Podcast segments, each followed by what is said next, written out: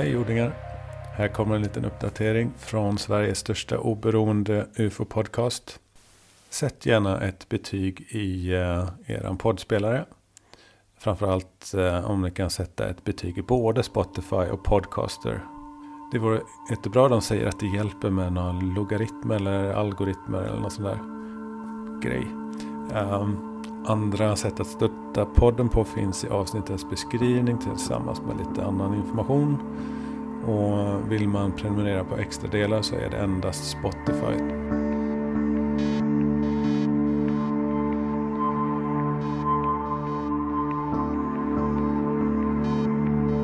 Det här med hur vi skiljer oss mot djuren är en intressant del som, har, som är aktuell och viktig. Eh, för att filosofera om vår bakgrund och relatera till UFO-frågan, den utomjordiska närvaron. Det märks om man har tagit in det eller inte. Vissa pratar fortfarande om ETH, Extraterrestrial Hypothesis, hypotesen om utomjordingar. Men eh, jag skulle introducera ETP istället. Extraterrestrial Presence, den utomjordiska närvaron, som är sann och faktisk. Jag försöker lansera mina begrepp och, och definitioner. Mm, ja, går väl inte jättestrålande. Men eh, skam den som ger sig. ETP. Kosmiska argumentet. Och sanningsembargot. Jag ska dra den ordentligt en gång till snart. Men eh, de första två är ni med på. Vi är ju känslostyrda flockdjur. Alla av oss. Men vill man ha lite eh, klarhet i de här frågorna om bevisning hit och dit. Då gäller det att vara rationell och inte låta känslorna gå före och styra dina tankar. Det går inte. Du kommer drabbas av den här eh, fenomenet som alla inklusive undertecknad drabbas av. Att man utgår från att någonting inte kan vara sant för att det känns obegripligt. Att någonting så otroligt som man aldrig har tagit på allvar faktiskt kan vara sant. Att någonting känns ovanligt är världens sämsta argument. I ufologin är det definitivt så. Men eh, apropå djur då. Vad är det som skiljer oss från djuren? Det är ju rätt uppenbart. Eh, men om man ska konkretisera det. Så har forskningen kommit fram till vissa specifika saker. Det är till exempel då att vi eh, kan planera för framtiden, likt inga djur kan. Ekorrar samlar nötter och djuren byter päls. Men det är ju inte en kognitiv tänkande resonemang, utan det är, sitter ju i generna. Redan för minst tiotusentals år sedan, minst, så kunde människan vara säker på och kognitivt planera för att det skulle bli vinter. Även när det började bli varmare. Så den förmågan sitter inte i tänkandet hos djur. Medan det gör det hos oss. Vi har en extremt annorlunda framförhållning. Idag är den ju uppenbar. Vi tänker i decennier framåt ibland. Eh, ekonomiskt är det väl nästa kvartalsrapport som styr mycket. Men eh, Kina tänker väl, jag kommer inte ihåg om det är liksom 50-årsplaner, 100-årsplaner. Men djuren däremot. Apor använder verktyg, absolut. Men de bär ju inte med sig det mer än några meter. De sparar inte ett bra redskap. De sitter inte och filar på flintastenar och vässar spjut och lägger upp ett lager. Det är helt annorlunda. Och jag ska komma till poängen med det här resonemanget alldeles strax. I övrigt så ackumulerad kunskap. När eh, en schimpansunge föds så kommer den visserligen vara väldigt mycket snabbare att eh, ta sig fram än en mänsklig bebis som ska skolas in i ett par decennier innan den tar sig ut i vuxenlivet. Men den har också inte någon eh, kunskap från sina förfäder utan den har sina gener och en mimikerar sina föräldrar kanske och, och, och flocken. Men eh, när våra avkommor ska lära sig saker så är det tusentals generationer av kunskap som finns tillgänglig. Det är en stor skillnad. Och jag har också hört det här argumentet om att, eh, ja som Rogan, som vi ska komma in på lite senare. Han brukar säga att man har sett tecken då på att vissa apor har eh, gjort entré i stenåldern. Men jag skulle vilja ha svar på ifall det inte kan bara gå i vågor. Att någon viss eh, apflock har kommit på någonting bra. Eh, att använda någon verktyg på något speciellt sätt och för det vidare. I ett par generationer och sen dör det ut igen. Det rimmar ju mer med att de är kvar på samma sorgliga nivå. Ni får fan skärpa er aporna. Kan vi planera en miljon år i framtiden? Svaret är nej. Vi planerar inte en miljon år i framtiden. Om eh, tio miljoner år kan ni tänka sig då att vi planerar en miljon år i framtiden? Svårt att säga om, om inte omöjligt. Men ni förstår vad jag försöker komma till. Om ett par miljoner år, hur lång framförhållning har vi då? Om vi redan idag tänker i decennier i fram, framtiden. Jämfört med djuren som inte kan tänka fem minuter. Det här rimmar ju med att en långt mer gången civilisation kommer ha långt mycket längre tidsplaner än vad vi har. Till den grad då kanske att, jag menar vi finns väl inte om en miljon år. För om vi går en miljon år tillbaka så är det svårt, om inte omöjligt, att påstå att vi människor fanns. Det gjorde vi inte. Och att vi då lär oss mer om DNA och vår genetik och kan eh, helt förändra oss själva med teknik i framtiden gör ju att det här förloppet kommer gå mycket snabbare. Vi kommer inte finnas så som människor om en miljon år. Dessutom så kan det vara så att vi går under av andra anledningar innan dess. Men på det stora hela så kommer vårt DNA att finnas kvar i alla fall. Därför att det är mycket, mycket som pekar på att vårt DNA inte är exklusivt för jorden. Det finns planetvarierade Homo sapiens där ute. Var de kommer ifrån är en annan fråga. Men varför skulle vårt DNA vara exklusivt för jorden? Bara för att det känns ovant att tänka på så betyder det inte att det inte är sant. Hur kan vissa av de här varelserna i ufona, farkosterna, se ut precis som oss i vissa fall? Eller vara väldigt lika? Man kan inte bli så lik utan att man har väldigt likt DNA. Det tror jag är en gångbar slutsats.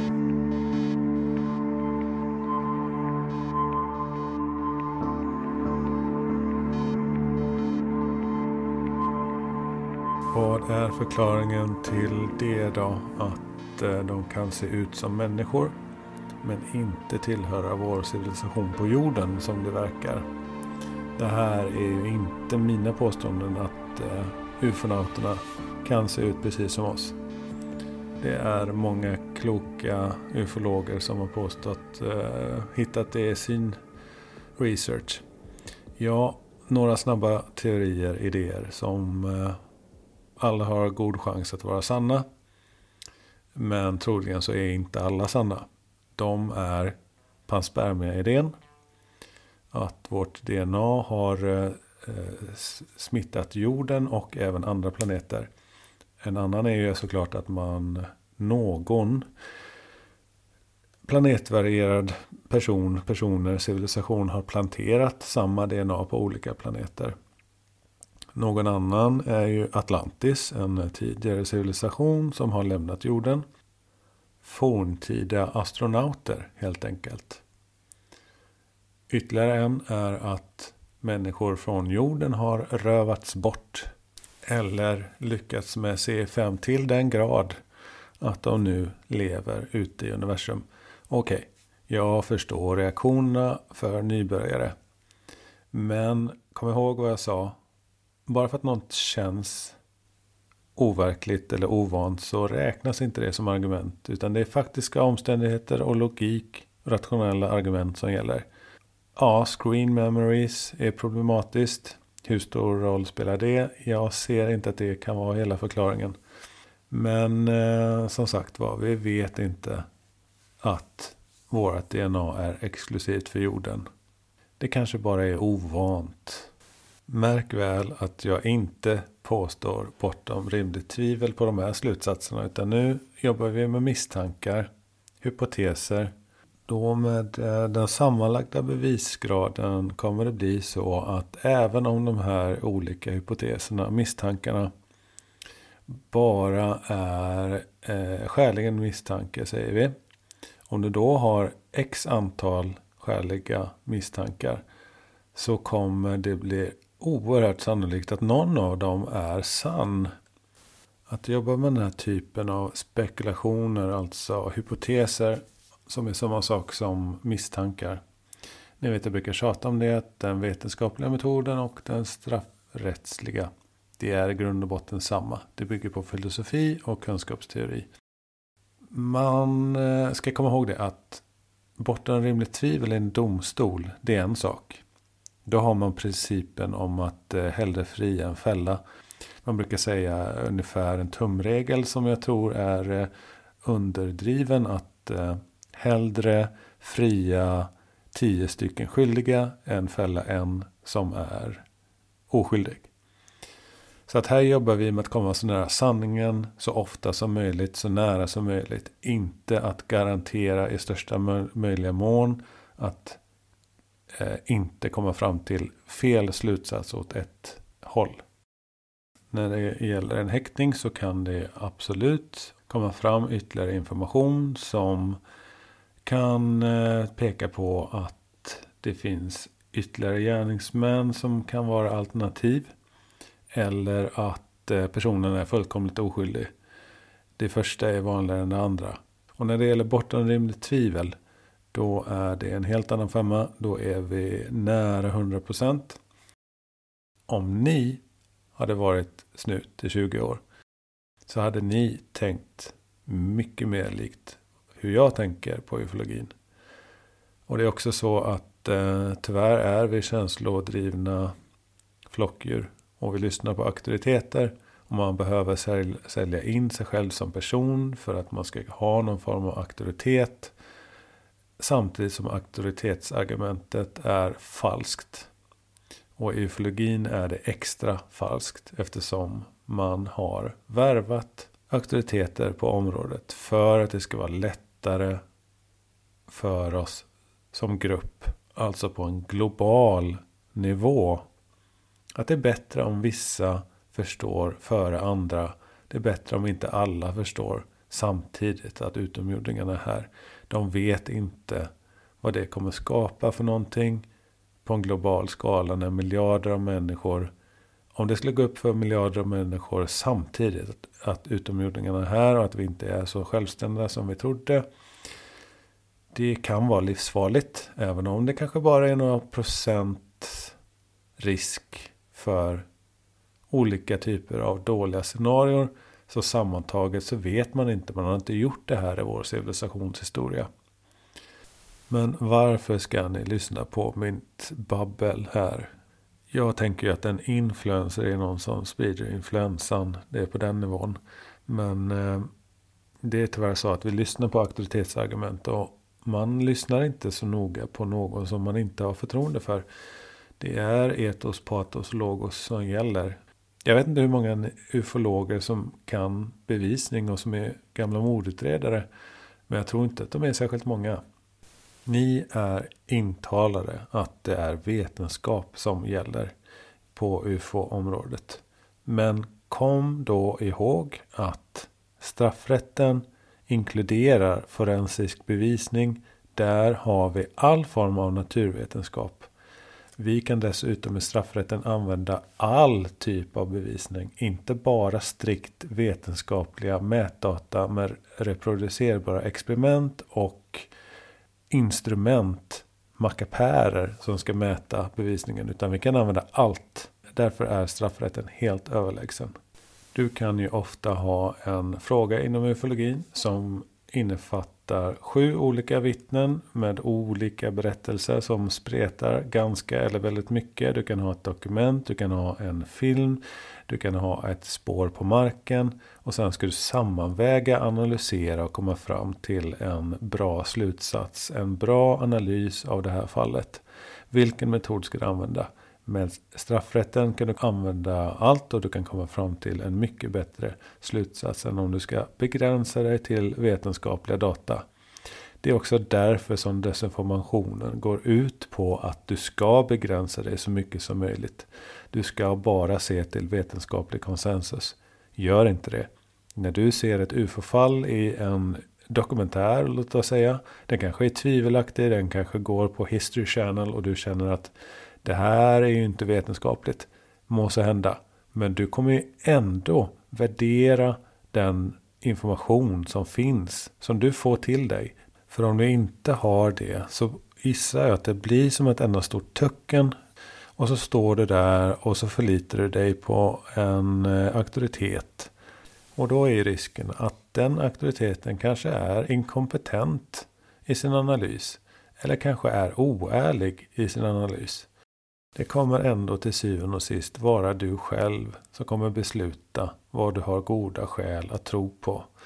Vad du anser vara sant. Hur får du goda skäl att förstå vad som är sant? Att inte ha någon metod är det sämsta. Att ha den vetenskapliga metoden är väldigt begränsat. Och så är man ju så smart så att man har samlat in så mycket man kan av det vetenskapligt undersökningsbara materialet och låst in det. För eh, alla eh, ska ju ha tillgång till samma form av material eh, om eh, den vetenskapliga metoden ska gälla. Det är ett specifikt material, inte vilket material som helst och inte vilka apparater som helst heller. Ni känner till hur otroligt mycket information det faktiskt finns i ufologin. Hyllkilometer. Eh, jag vet inte hur många dokumentärer ni har sett. Hur många böcker ni har läst. Hur mycket fakta ni kan. Men då ska ni ha någon form av metodik för att komma fram till någon slutsats. Eller ska ni låta er övertygas om att ni ska vänta på vetenskapliga experiment och det är endast det som kan göra att man vet någonting.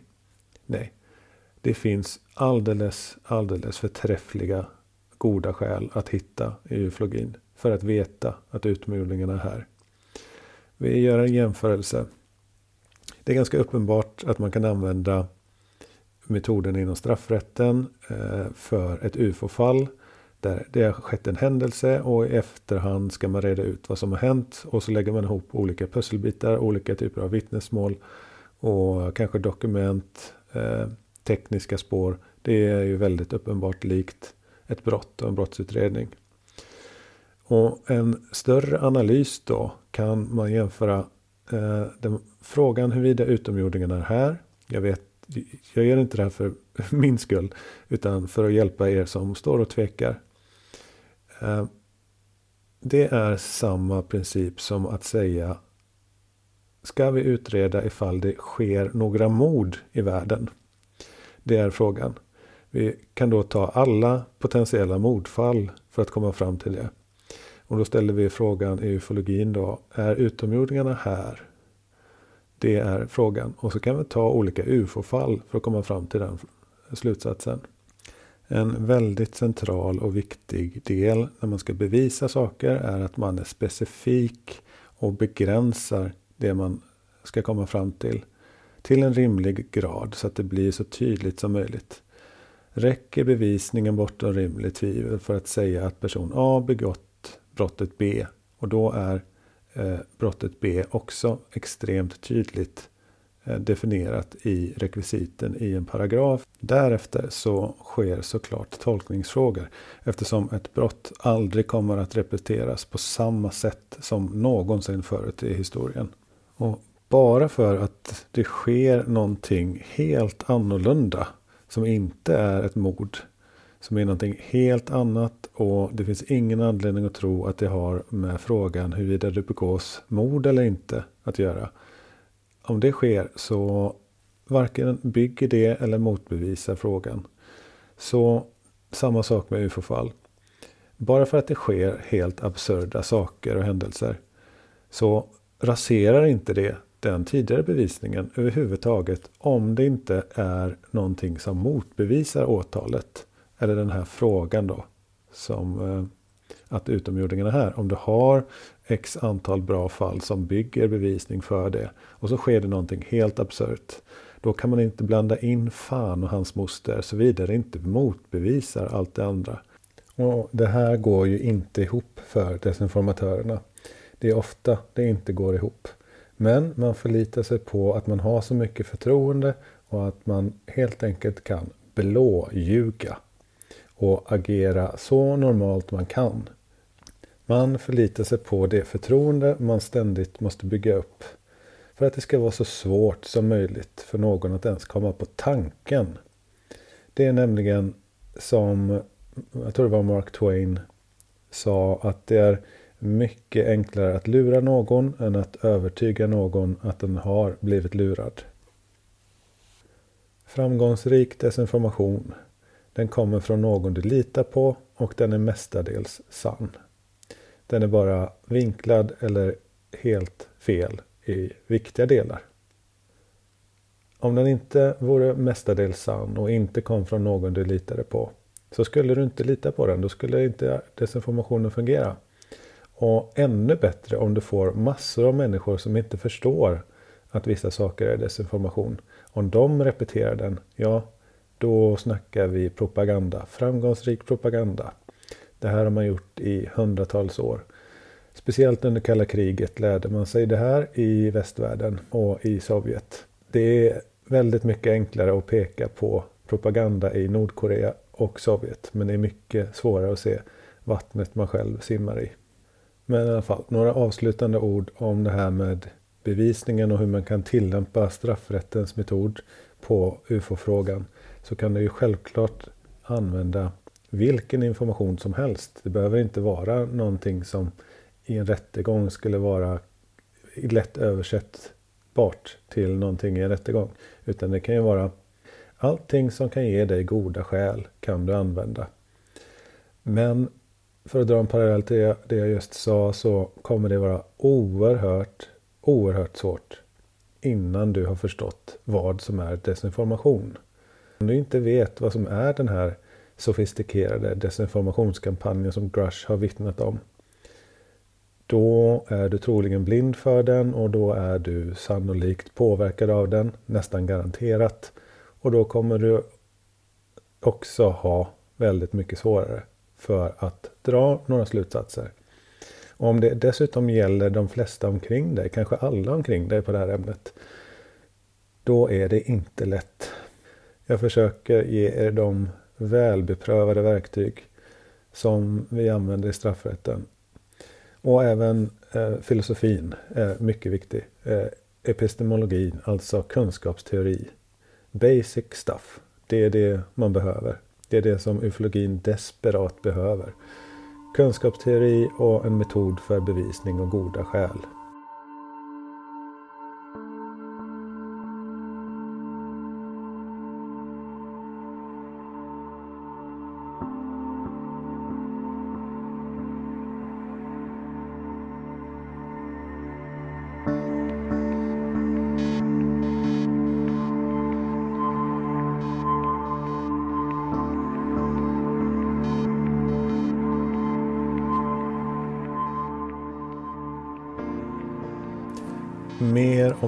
En annan gång. David Grush har varit hos mm, ICER. ICER. International Coalition for Extraterrestrial Research. Ett gäng med mycket erfarna människor, forskare, vetenskapsmän, poliser och experter, ufologer med decennier av erfarenhet. Där bekräftade Grush återigen då att Eh, siffran med eh, farkoster och varelser som är eh, under kontroll i de hemliga programmen är tvåsiffriga. Och kraschen 33 i Italien den var ju utanför Milano så vitt jag vet så ligger Magenta öster om Milano. Den kraschen då, det var påven inblandad och Roosevelt. Och sen ska vi berätta om Hayden Center. Det var nämligen Sean Kirkpatrick som är på väg att avvecklas som chef för Arrow. Hayden Center sysslar med eh, nationell säkerhet, hör och häpna. Det ligger under George Mason University i Virginia såklart. Men han har mjuknat nu på slutet, Kirkpatrick. Han har pratat mindre avfärdande. I det här panelsamtalet som de höll då för ett par veckor sedan så var han inte lika avfärdande och inte lika anti utomjordingar som han har varit som chef för Euro.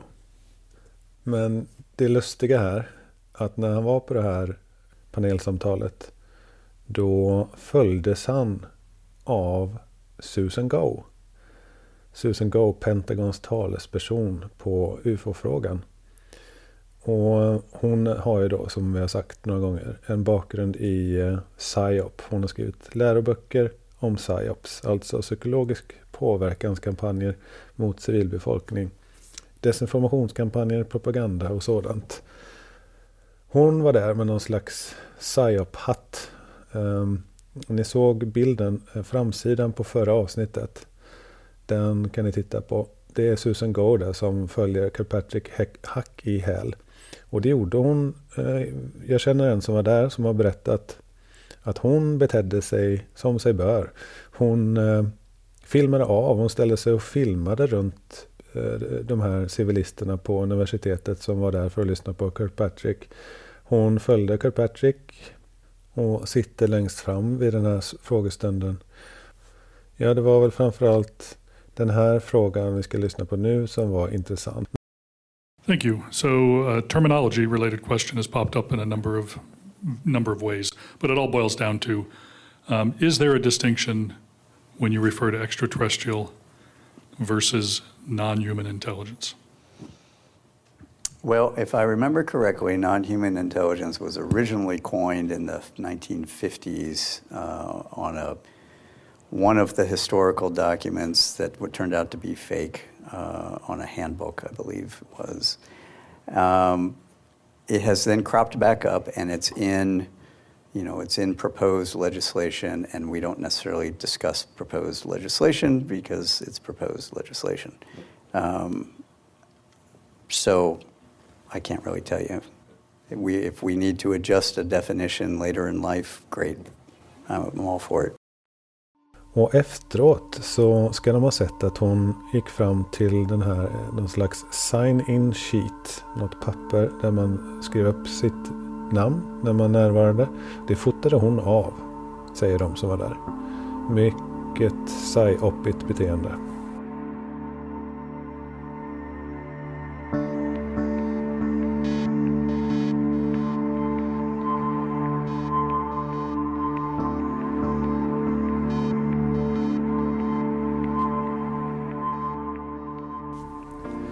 Det brasilianska parlamentet så hade man ju redan sin eh, ET och UFO-dag, sin eh, disclosure i eh, senaten för ett och ett halvt år sedan redan. Men det ska vi inte låtsas om och det klarar inte ufologin av att ta in riktigt.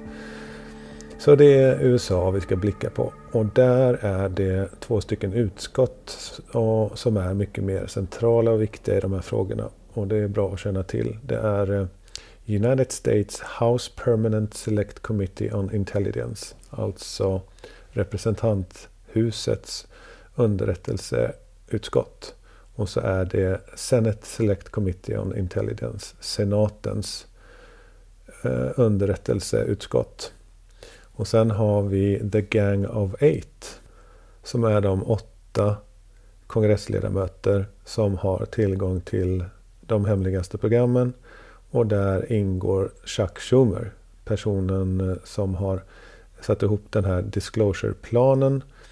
Och där eh, det även kommer ingå då om den här lagen går igenom nästa vecka. Eh, för att bli en eh, regleringsbrev för nästa års budget. Då. Det blir en National Defense Authorization Act för 2024 med Schumer Amendment. Då. Men tillbaka tillbaks till den här Gang of Eight, de åtta personerna. Det är Mike Turner, det är Jim Hames. Och de sitter i eh, representanthuset. Och sen är det i senaten är det Mark Warner och Marco Rubio. Och sen är det även Mike Johnson och Hakeem Jeffries. Och det är även Chuck Schumer och Mitch McConnell. Eh, Chuck Schumer är majority leader och det är eh, så att Mitch eh, McConnell han är minority leader. Vem som är Susan Goes chef är inte helt klart för mig. Det kan vara så att hon rapporterar till en tjänst, en position som kallas SACA. Som innehas av Peter Verga. Och det står för eh, Special Assistant to the SecDef and Deputy SecDef for Compartmented Activities. Eh, alltså en underrepresentant, en assistent till försvarsministern. Som är den som har översyn över de absolut hemligaste sakerna. Carl Nell, namnet på allas läppar. Han var den som i eh, somras gick i god för David Grush. Han är en nyligen pensionerad överste eh, i armén och nuvarande chef inom flyg och rymdindustri. Han var arméns kontaktperson för UAP Task Force under 2021 och 2022. Han var även en av talarna i Solkonferensen som gick av stapeln för en dryg vecka sedan. Och Solkonferensen Sol Foundation som är grundat av Gary Nolan och Peter Skafish. Och även David Grush och Louise Lesondo med flera är inblandade där på något sätt. Det här är den viktigaste konferensen som någonsin har hållits på UFO-området. Det vågar jag nog säga. Eh, Beatrice Villarreal var där och henne har vi pratat med. Eh, vi kan börja med programmet för den här konferensen. Det helt enkelt handlar om hur man gör disclosure. Hur man berättar om den utomjordiska närvaron för befolkningen på ett säkert sätt. Det var ingen där som rakt ut sa utomjordingar utan det är mer och mer underförstått nu än någonsin förut. Man kommer såklart, eh, vi ska prata om Grush här lite senare så kommer det framgå. Men hur som helst.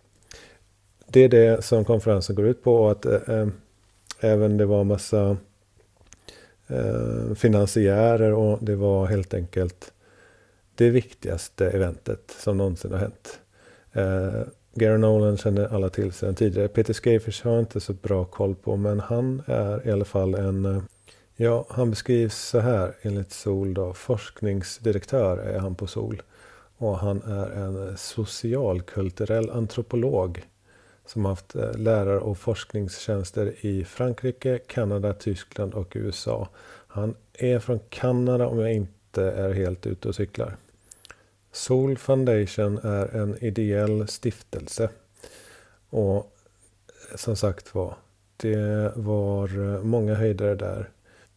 Talarlistan bestod av uh, Gary Nolan, Peter Skafish, Avi Loeb, Beatrice Villarell, Kevin Knuth, Gary Nolan, Jack Wallé, Diana Pasulka och Leslie Keane, Louise Lesondo, Hal Pudoff, Larry McGuire och uh, Timothy Galvaudet, Jairus Victor Grouet, mm, mm, reservation för uttalet där och och eh, även på Jonathan Bertree och eh, eh, sen var det även Carl Nell, Christopher Mellon och någon som heter E.I. Whitley, Paul Teichpan och Jeff Kripal. Eh, det var väl tänkt också att eh, eh Louis Lisondo och David Grush skulle vara med men eh, Elizondo hade någon familjesituation och David Grush hade reseproblem. Nolan öppnade med att eh, säga att de var där för att professionalisera ämnet. Och Peter Scafish på, eh, påpekade då att eh, det var många från myndigheter där. Och det var det. Det var ju både CIA och FBI som hälsade lite stelt på varandra. Och så är det ju i den här branschen. Eh, de nationella säkerhetsstaterna är närvarande och det har man inte gjort någon hemlighet av här på Sol-eventet. Det är nämligen lika bra att det sker öppet än att det sker dolt. Avlöb eh, pratade sedan om eh, att han hoppas att vi har en partner där ute. Och han pratade om att många meteorer är stenar men vissa kanske är tennisbollar från grannen. Den kosmiska grannen då såklart. Och så där är det. De säger det utan att säga det. Ehm, Avelöv drog en rolig parallell till, eh, han undrar varför det förekommer som barnslig mobbning, att det är vanligare än barnslig nyfikenhet på det här ämnet. Och han sa att vissa av hans kollegor i vetenskapen säger att eh, alla meteorer måste vara stenar. Och han då, Avelöv, kallar detta för den vetenskapliga stenåldern. Och han berättar också om de här tre interstellära objekten. Eh, en av dem är den här Amoamoa, den känner ni till. Beatrice Villarreal pratade om eh, Vasco och Exoprobe, alltså transienter. Eh, Vasco, det har vi pratat om i den här podden förut. Och E.T. Probes då, i hennes projekt Exoprobe.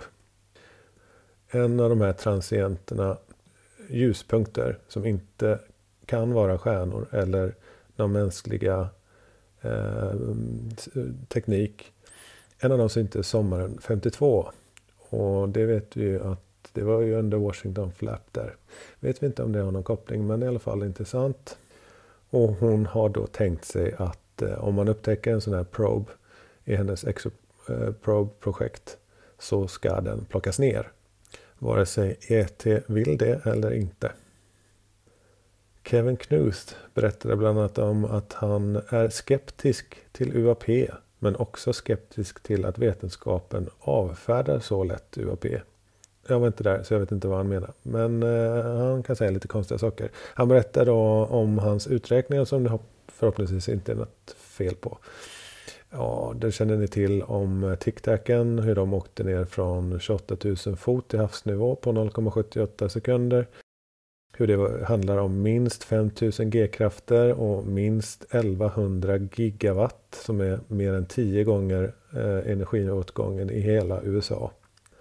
Han berättade om ett eh, UFO som mättes 1954 till att färdas med 19 kilometer i sekunden. Och det här var en tysk raketforskare, Hermann Roberts, som eh, kom fram till det.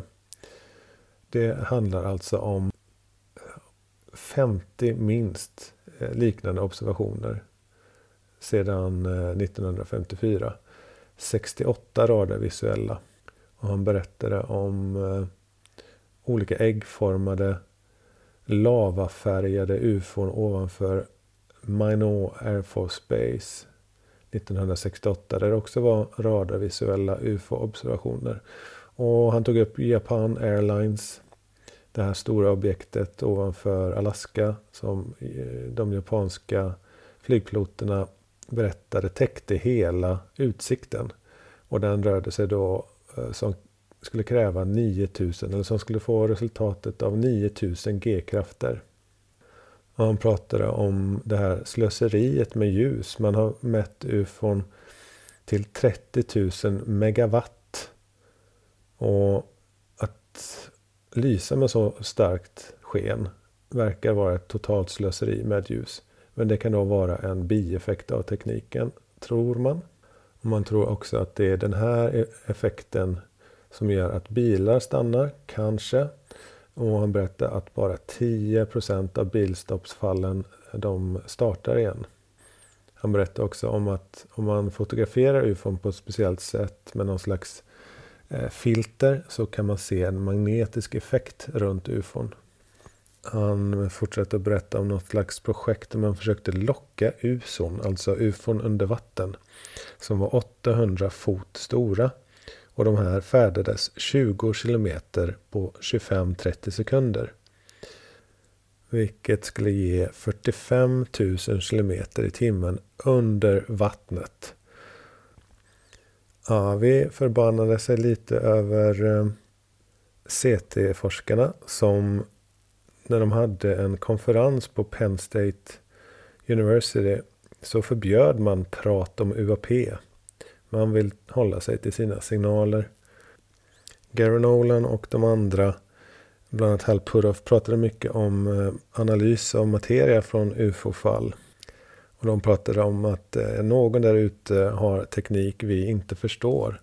Och metoden måste vara att plocka isär det bit för bit, säger Nolan. Och återigen, det här har Hal Puthoff presenterat i ett eh, mycket intressant föredrag för några år sedan som vi har länkat till i något tidigare avsnitt. Ett av de här materialen de pratade om det kommer från en ufo-incident i Iowa och då undrar man då hur kommer det sig att det här industri eh, oerhört sofistikerade och eh, märkliga sammansättningen av eh, grundämnen hamnar på ett fält i Iowa bara sådär. Samma sak med Ubatuba. Eh, 1957 då i Brasilien, Ubatuba, någon slags badort där ett UFO höll på och lämnade material efter sig. Ja, väldigt konstiga isotoper av magnesium och väldigt ren silikon som inte kunde tillverkas på den tiden. På temat Disclosure så berättade Vallée om en historia som en Gibbons som var vetenskapsrådgivare åt Bill Clinton. När Clinton var president så fick han ju önskemål från Rockefeller, Lawrence Rockefeller om att disclose, eh, avslöja, offentliggöra Roswell och UFO-ämnet och avstigmatisera UFOn. Vallée hörde då att Gibbons vid ett annat tillfälle fick eh, en fråga om hur man rådger en president om detta. Och då ska Gibbon ha berättat en historia som Vallée återberättade här om en man som går i mörkret. Och så ser han att det lyser på marken, en liten lampa på marken. Han tittar närmre och ser att där är en talande groda. Och grodan har en krona som lyser. Och han böjer sig ner och den här grodan berättar att hon är en förtrollad prinsessa. Och om mannen bara kysser henne så ska hon förvandlas åter till en prinsessa. Och ge honom eh, halva kungariket och föda honom barn och så vidare. Och Valé eh, fortsätter berätta att den här mannen då tackar för förslaget men tänk, säger att vid min ålder så räcker det med en talande groda. Ja. Och han fick tydligen stående ovationer för det här. Eh, ja, Valé gillar sina historier han. Men eh, jag kan bara tolka det på ett sätt. Det handlar om disclosure som sagt. Valier vet mycket väl. Mycket väl. Och det här är hans sätt att säga att det kanske är, kan vara farligt med att eh, kyssa grodan. Att göra ET disclosure. Vi vet inte konsekvenserna och när man är gammal så kanske det räcker med en talande groda. Att ha det som det är. Och det är väl så Vallée resonerar. Men eh, frågan är då om man ska kyssa grodan och göra ET disclosure. Eller inte och hur man gör det utan att eh, det blir katastrof. De talade mycket om catastrophic disclosure, alltså illavarslande scenarion. Man pratade även om Socorro-fallet från 1964 med eh, polisen Lonnie Samura och eh, proverna där då, man har testat det här eh, flisorna, flagorna från landningsstället som du säkert känner till. Eh, mm, det här är ju ett av de stabilare fallen som finns. Men det är även så att ny information kom fram här. Valé var ju med där på platsen så det var väl från han gissar jag. Och han känner säkert till det här. Så jag vet inte varför han har dragit ut på att berätta om det här. Men i alla fall så var det en officer från White Sands. En eh, Air Force Base, eh, en militärbas där i New Mexico. Som samma dag körde bil där genom öknen och såg ett matchande UFO, ett objekt som stämmer in med kurs och tid och plats. Och hans bil och bilradio dog. Och det här är inte publicerat men det är eh, några journalister från den här tiden som har noterat detta. I alla fall så hans bil kontrollerades och togs i. Pasulka hon berättade om stigmat och de här eh, väggarna som finns eh, från de som håller på på insidan mot de som håller på på utsidan. Hon drog en parallell till Prometheus som för 2700 år sedan ungefär. Ja, vad var det han gjorde då? Han eh, stal väl eh, eld från gudarna och gav det till människorna och de fuckade upp det. Alltså att det ska liknas med eh, ufo-krascher. Att eh, någon non-human intelligence tar teknik som människorna inte har och ger det till dem och de använder det för att fucka upp Eh, situationen. Också handlar om eh, problemen med disclosure. De nämnde också att man trodde att vetenskapen skulle vara mer öppen för en diskussion om eh, experiencers. Folk med närkontakter. Kontaktpersoner alltså. Om man officiellt erkänner att det finns kroppar och farkoster. Larry McGuire, nej, McGuire och Hal Pudoff.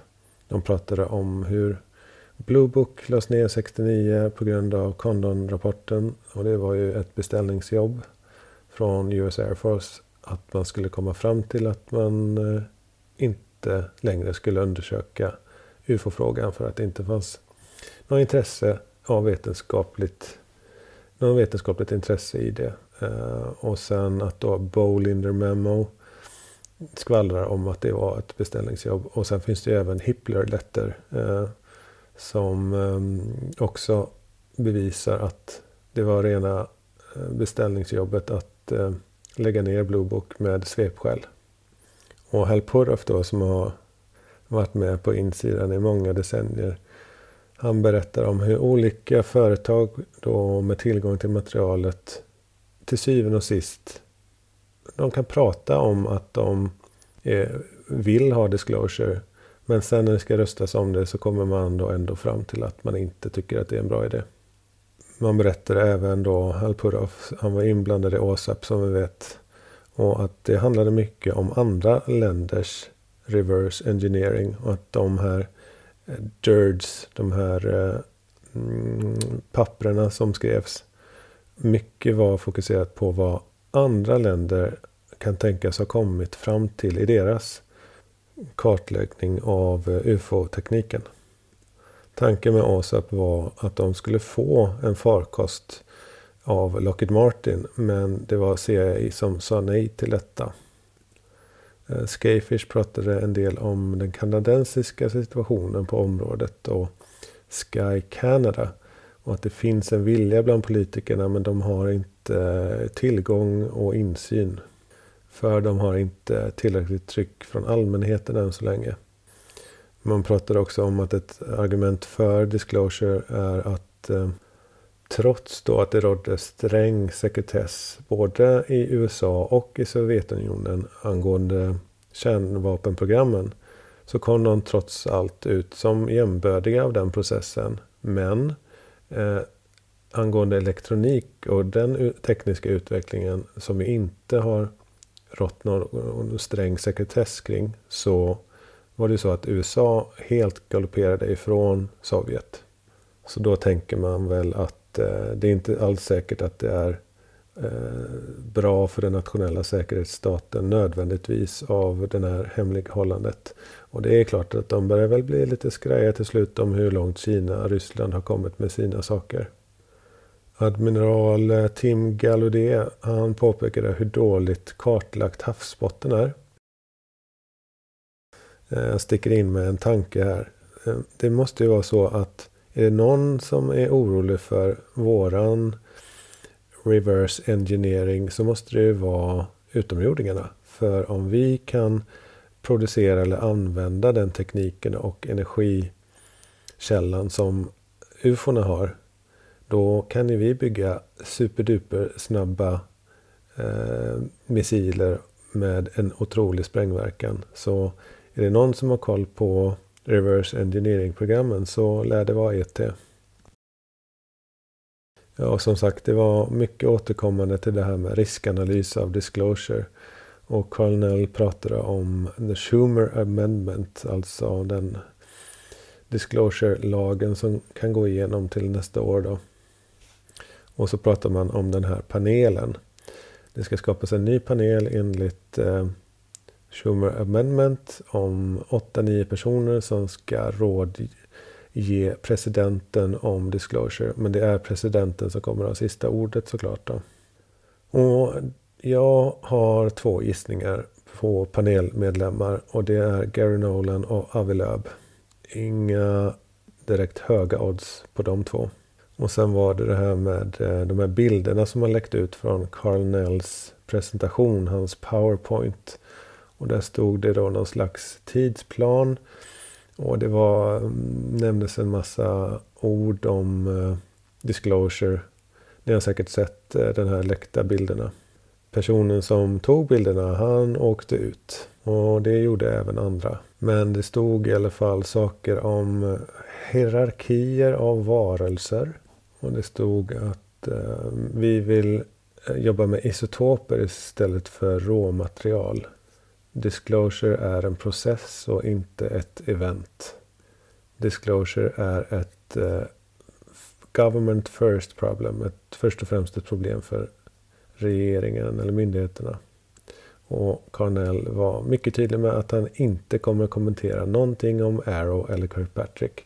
För det är ju så att eh, det enda ryktet som går om en ersättare till Kirkpatrick det är ju just Carnell man pratar om en kontrollerad disclosure. Så man inte får en katastrofisk sådan. Ett begrepp som vi inte hört innan. TUO. Technology of Unknown Origin. Och eh, TNO. Temporary Non-Attributed Object. Jag vet inte vad han har tänkt med de begreppen. Men som jag har sagt tusen gånger så är UFO ett fruktansvärt dåligt begrepp. Man kan inte ha samma ord eh, för någonting som många tror bara betyder någonting oidentifierat men som vi egentligen alla vet syftar på tefat och tic-tacs. Det är rörigt. Han använde Calvine-fotot när han eh, diskuterade UAP och han eh, när det gällde kinesiska spionballongerna så diskuterade han TNOs, det här begreppet om Temporary Non-Attributed Object. Och solkonferensen avslutades med att David Grush kom in från via Zoom och han berättade, jag tar det här på engelska annars blir det så töntigt på svenska känns det som. Han sa i alla fall bland annat att Imagine a future where we no longer need to speculate about our place in the cosmos. This is a new era of spiritual awakening.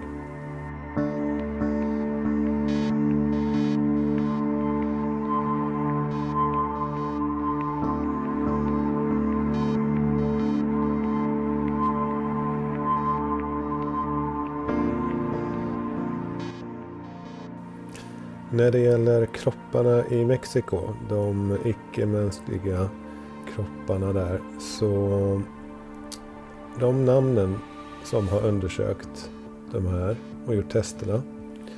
Jag har fått hjälp med att kolla upp och då visar det sig att eh, vi har inte hittat någonting att de här forskarna är publicerade eller några etablerade namn som gör att vi kan riktigt förlita oss på dem. Så, men eh, den där historien kommer fortsätta. Så är det i nuläget för mig i alla fall. Jag är fortsatt skeptisk. Ett annat löst rykte är ju att eh, den här eh, eh, mannen bakom eh, OpenAI att han eh, kanske har redan löst det här med AGI, artificiell generell intelligens. Alltså, ja, ni vet säkert vad det är. Jag går inte vidare in på det här och nu. Men eh, det vore ju intressant timing. Vad som inte är ett rykte, det är ju att David Grush satt ner i två timmar och 40 minuter tror jag det var hos eh, eh, Joe Rogan. Och jag menar, har ni inte sett det här så måste ni det om ni är intresserade. Ni måste bara lyssna på David Grush hos Rogan. Han berättade i början här om att han höll på att eh, briefa en CIA-officer eh, på ungefär 100 Special Access Programs. Och då fick han tips om en Louise Elizondo som höll på med något UFO-program. Så då började han läsa på om UFOn. Och nu står det klart då att UAP Task Force har, verkar vara aktivt ända från 2018. Och det är ju då månader efter New York Times artikel. Det verkar ju logiskt att man sjösatte det lite snyggt bakom kulisserna redan då. Han har en eh, Bachelor i fysik och en Master i underrättelsetjänst. Och 1933 då och Magenta Italien. Det var inte den första crash retrievals. Alltså den första ufo-kraschen som USA känner till. Och då tänker jag genast på Aurora, Texas. Känner ni till den? Vi kan ta den lite snabbt. Den här ufo-kraschen som många av er känner till. Det var i alla fall den 17 april 1897. Jag vill inte påstå att den är bortom rimligt tvivel direkt. Men eh, det var lokalbefolkningen som såg då att ett ufo for över stan och sen kraschade in i eh, ett torn som tillhörde en eh, domare. Man hittade en pilot och till slut konstaterade man att den här piloten var inte från denna värld. Och det pratades om att han var en marsian. Man uppförde en gravsten med någon slags eh, ufo eh, tefatsinskription på. Och sen var det den här historien att eh, senare kom man på att man skulle dit och undersöka kroppen såklart. Men eh, då var kroppen borta. Och sedan dess är det ett mysterium. Ja, det är en massa mer detaljer till det där fallet. Men vi får återkomma till det någon annan gång. Men det behöver ju inte heller vara den första kraschen. Det vore ju till och med osannolikt. När eh, utomjordingarna har varit här i Gud vet hur många tiotusentals år eller mer. Då kan det knappast vara första det heller. Men eh, den är värd att nämna när 33 inte var första. Och han berättar berättar Grush då hos Rogan att det var 1944-45 som USA tog kontrollen över det här och påven var inblandad och underrättelsetjänsten som då hette OSS. Han berättar om att Reid Reed troligen har informerat Biden om situationen. Så då, då, ja, det är väl ganska självklart att Biden är informerad om situationen. Men eh, redan eh, Reed gjorde det. Och alla presidenter har såklart varit informerade på något plan. Så är det. det olika presidenter har blivit olika insatta såklart. Och så kunde man väl utläsa att eh, Bigelow och ASAP skulle bygga ut byggnaderna där i Las Vegas för att rulla dit en av Lockheed Martins tefat. Men det satte CIA stopp för. Och att han har eh, läst dokument då om eh, utländsk underrättelseanalys av crash retrievals och reverse engineering. Och han eh, indikerade väl att det har med antingen Kina eller Ryssland att göra.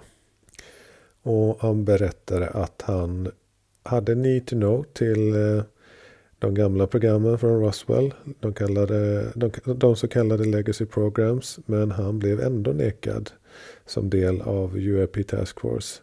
Han beklagade sig om Mike Turner och eh, Mike Rogers som är de som sponsras.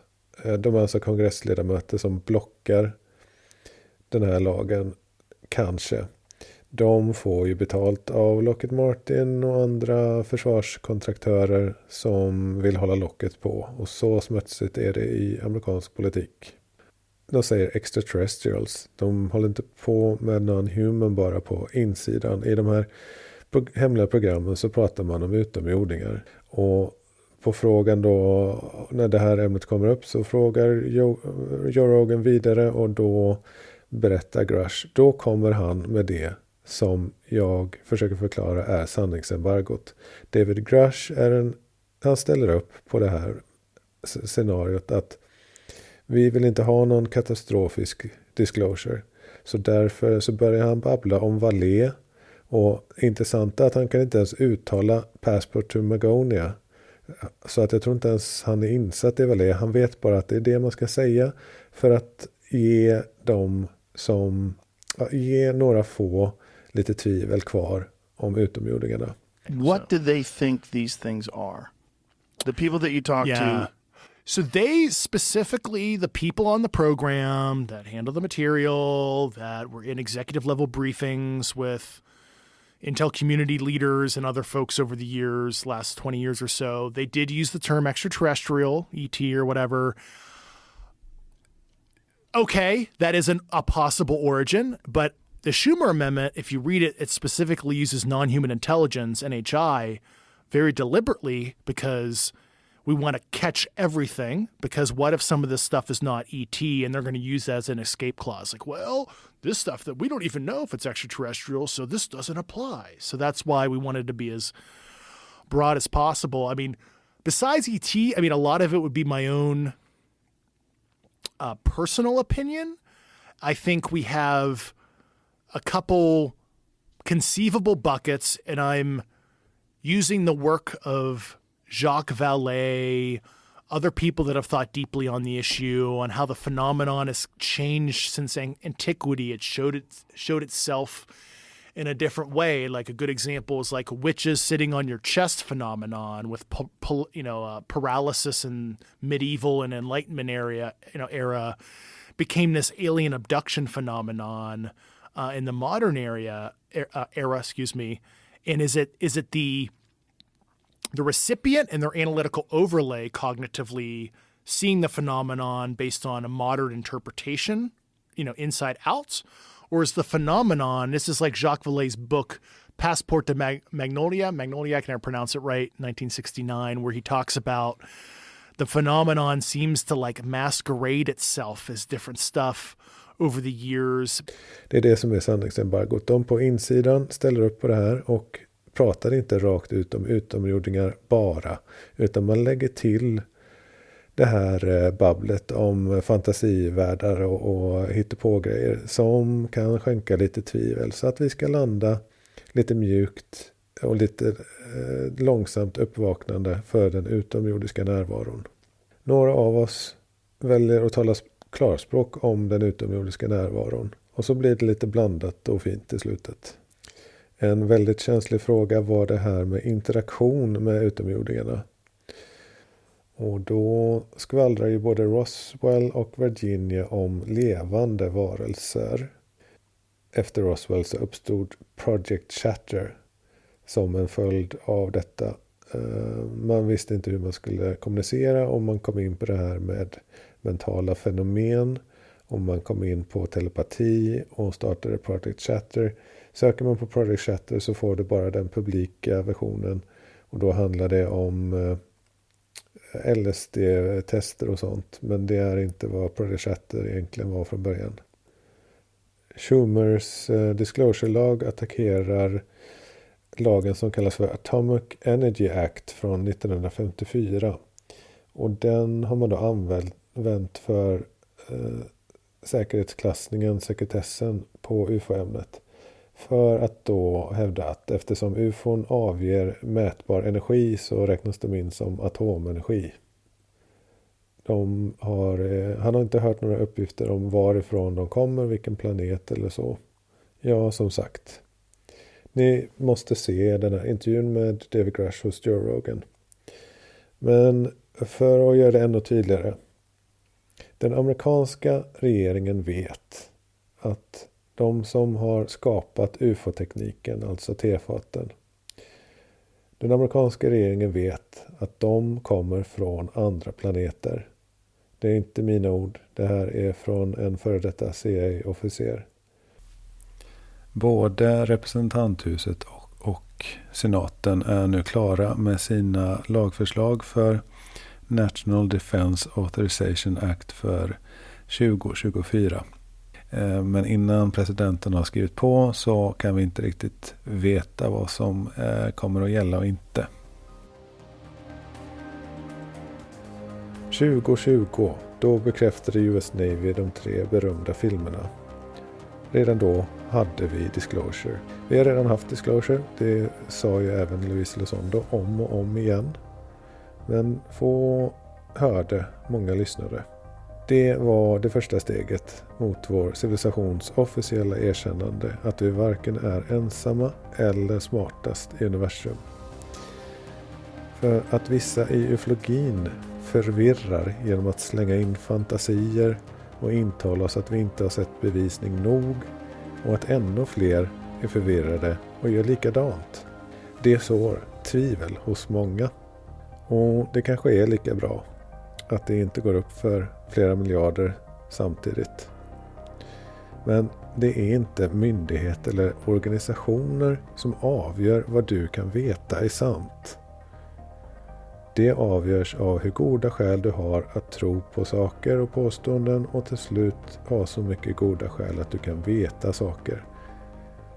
Eternärvaron är numera en öppen hemlighet bland alla i centrum av ufologin. Minus då de som inte har identifierat de här delarna om desinformationen. Alla bör veta att UFO-frågan har högsta säkerhetsklass och att de nationella säkerhetsstaterna därför är beredda att vidta ganska radikala, ovanliga åtgärder som vi inte ser annars. Vi är inte vana vid dem. Man har till exempel infiltrerat ufologin redan från början. Det är ju den delen av befolkningen som bryr sig mest och som är mest intresserade.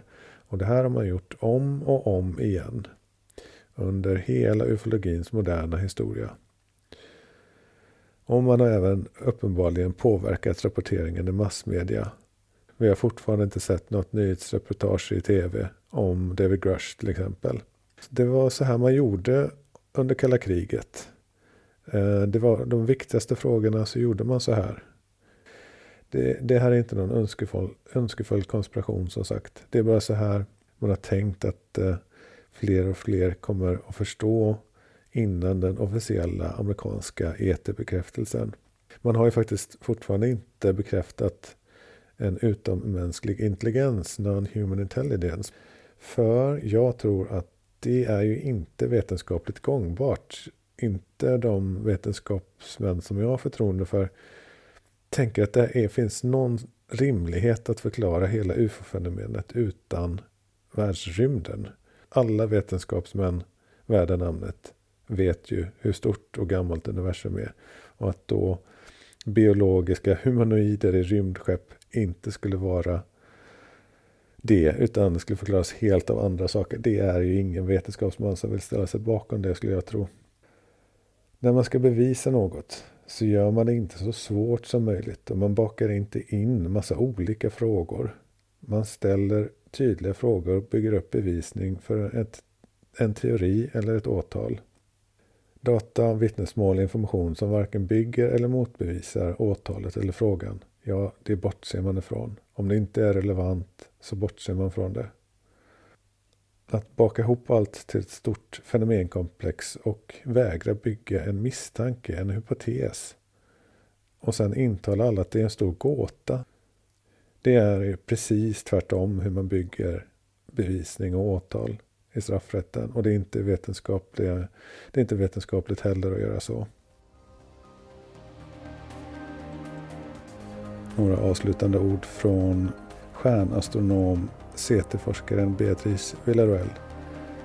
Förra helgen var jag på solkonferensen på Stanford i USA. Det var två helgdagar packade med föredrag av akademiker, forskare och militärer och folk från den amerikanska försvarsindustrin och entreprenörer. Jag var den enda svensk i den stora föreläsningssalen som rymde 200 personer. De flesta som sökte sig till konferensen hamnade på den milslånga väntelistan. Jag var där i egenskap av en av de handplockade talarna som fick chansen att representera min astronomiforskning som rör sökandet efter icke-mänskliga sonder i närheten av jorden. Projekten Exoprobe och Vasco. Det var en otroligt spännande miljö. Jag lärde känna de andra talarna som var otroligt meriterade inom sina respektive fält. Bland de mest fascinerande föredragen var Gary Nolans och Carl Nells. Gary visade sina mikroskopstudier av material från vad som påstås vara kraschade ufon och Carnell beskrev en disclosure-plan fram till 2030. Mycket spännande. Troligen är det här en av de mest spännande konferenserna jag någonsin varit på. Kanske den mest spännande faktiskt. Tack för att ni har lyssnat. Hur man stöttar podden finns lite olika sätt och läs gärna avsnittets beskrivning. Tack för denna gången och på återhörande.